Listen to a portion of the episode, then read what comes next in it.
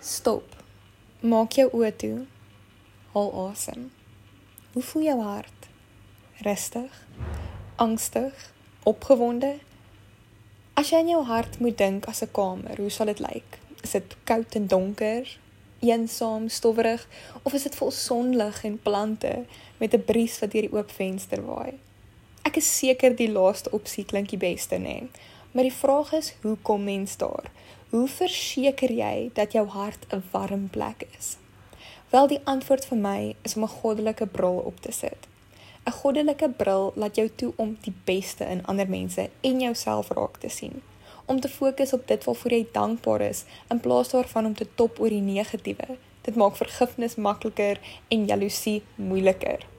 As mens konstant net die negatiewe in ander mense raak sien, gaan jy nie vir hulle kan lief wees soos wat die Bybel sê ons vir ander moet lief wees nie. So ek het vir jou 'n uitdaging hierdie week. Elke keer as jy jouself vang 'n negatiewe gedagte oor iemand dink of oor iemand skinder, probeer om aan 5 positiewe eienskappe van daardie persoon te dink. Elke mens het meer positiewe eienskappe as negatiefes. Ons is net gewoond daaraan om te fokus op dit wat verkeerd is. As mens hierdie oefening genoeg kere doen, sal jy jou brein leer om eers die positiewe dinge raak te sien, soos wat Jesus het. En dit geld vir onsself ook. As jy nie spieël kyk en jouself wil kritiseer, kies eerder doelbewus om die mooi in jouself raak te sien.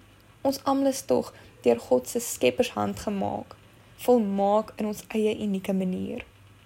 'n Ander emosie wat mense hart 'n donker en koue plek maak, is jaloesie. Hier het ek nog 'n oefening vir jou. Die volgende keer wat jy iemand anders sien wat iets bereik en jy voel jaloers daaroor, dink aan hoe dit hulle lewe positief gaan beïnvloed en vra die Here om jou te help om met jou hele hart saam met daardie persoon gelukkig te wees. As ons waarlik in ander se suksesse deel, dan verbreek ons net ons eie kapasiteit vir geluk en dankbaarheid. Daar is nie net 'n beperkte hoeveelheid goeie dinge wat met mense in die wêreld kan gebeur nie. As iemand iets kry of iets bereik, beteken dit nie dat jy nooit sal kan nie. Gun vir mense geluk en sien dan hoe dit jou eie lewe verbeter. Laastens, onvergewensgesindheid is soos om gif te drink en te dink dat die ander persoon gaan sterf. Jy's net besig om jouself seer aan te doen. Om iemand te vergewe beteken nie dat jy daardie persoon noodwendig weer in jou lewe gaan toelaat nie maar dit beteken wel dat jy jou emosies van wraak teenoor hulle laat gaan en meer spasie maak vir liefde in jou eie lewe.